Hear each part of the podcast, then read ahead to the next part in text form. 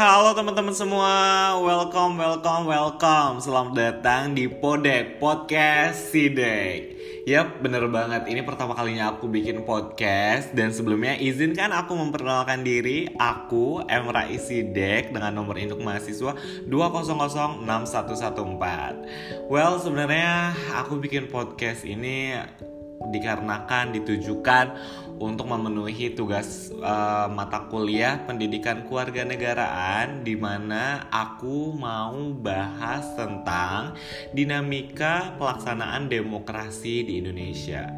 Aduh teman-teman kalau misalkan udah bicara tentang demokrasi pelaksanaan di Indonesia itu kayak dinamikanya tuh pasti bakal banyak banget ya teman-teman dan pasti bakal panjang banget.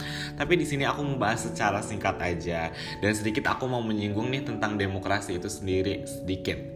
Nah teman-teman, demokrasi itu adalah salah satu bentuk sistem pemerintah sebuah bangsa atau negara yang mengedepankan kebebasan untuk seluruh warga negara dalam hal politik, yaitu di mana penduduk atau masyarakat bisa memberi dan menyalurkan pendapat mereka tentang kelangsungan politik yang berjalan dalam negeri mereka, baik itu saran, kritik, atau pendapat lainnya dengan bentuk penyampaian yang bermacam-macam. Nah, teman-teman, pelaksanaan demokrasi Indonesia dari masa ke masa tidaklah sama. Mengingat undang-undang dasar yang berlaku pun berganti-ganti nih. Pergantian undang-undang dasar menyebabkan pergantian sistem pemerintah. Untuk mengetahui bagaimana pelaksanaan demokrasi di Indonesia, nih, kita perlu melihat ke sejarah perkembangan sistem demokrasi di Indonesia itu sendiri nih.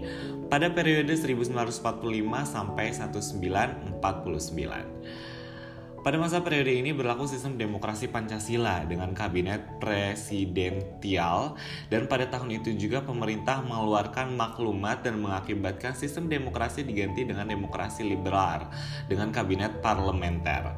Pada tahun 1949 sampai 1950 lahirlah negara RIS dengan konsep demokrasi liberal yang masih berlaku nih.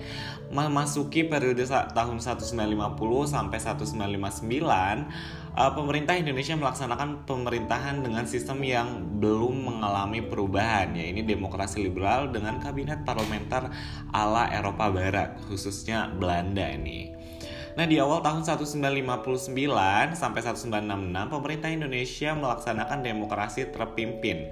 Akan tetapi, karena adanya penafsiran yang salah terhadap demokrasi terpimpin ini, terjadi berbagai penyimpangan terhadap Undang-Undang Dasar 1945 nih, teman-teman.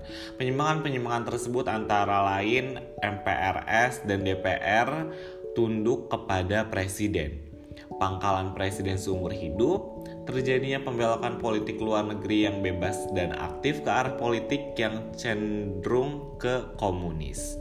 Pada tahun pada periode 1966 inilah lahirlah Orde Baru yang ingin melaksanakan Pancasila dan Undang-Undang Dasar tahun 1945. Secara ideologi dan konstitusional, asas demokrasi mencerminkan wajah demokrasi Indonesia yang bersumber tata nilai sosial budaya bangsa. Nah, teman-teman, demokrasi Pancasila bukanlah demokrasi yang berdasarkan kekuasaan mayoritas. Dalam demokrasi Pancasila tidak ada satu golongan pun yang boleh semuanya mempertahankan atau memaksakan pendiriannya sendiri. Dengan demikian tidak ada tempat untuk diktator masyarakat atau tirani mayoritas. Demokrasi Pancasila berbeda dengan demokrasi liberal yang mengutamakan suara mayoritas dalam mengambil suatu keputusan. Berbeda juga dengan demokrasi terpimpin yang mengutamakan pimpinan dalam mengambil keputusan.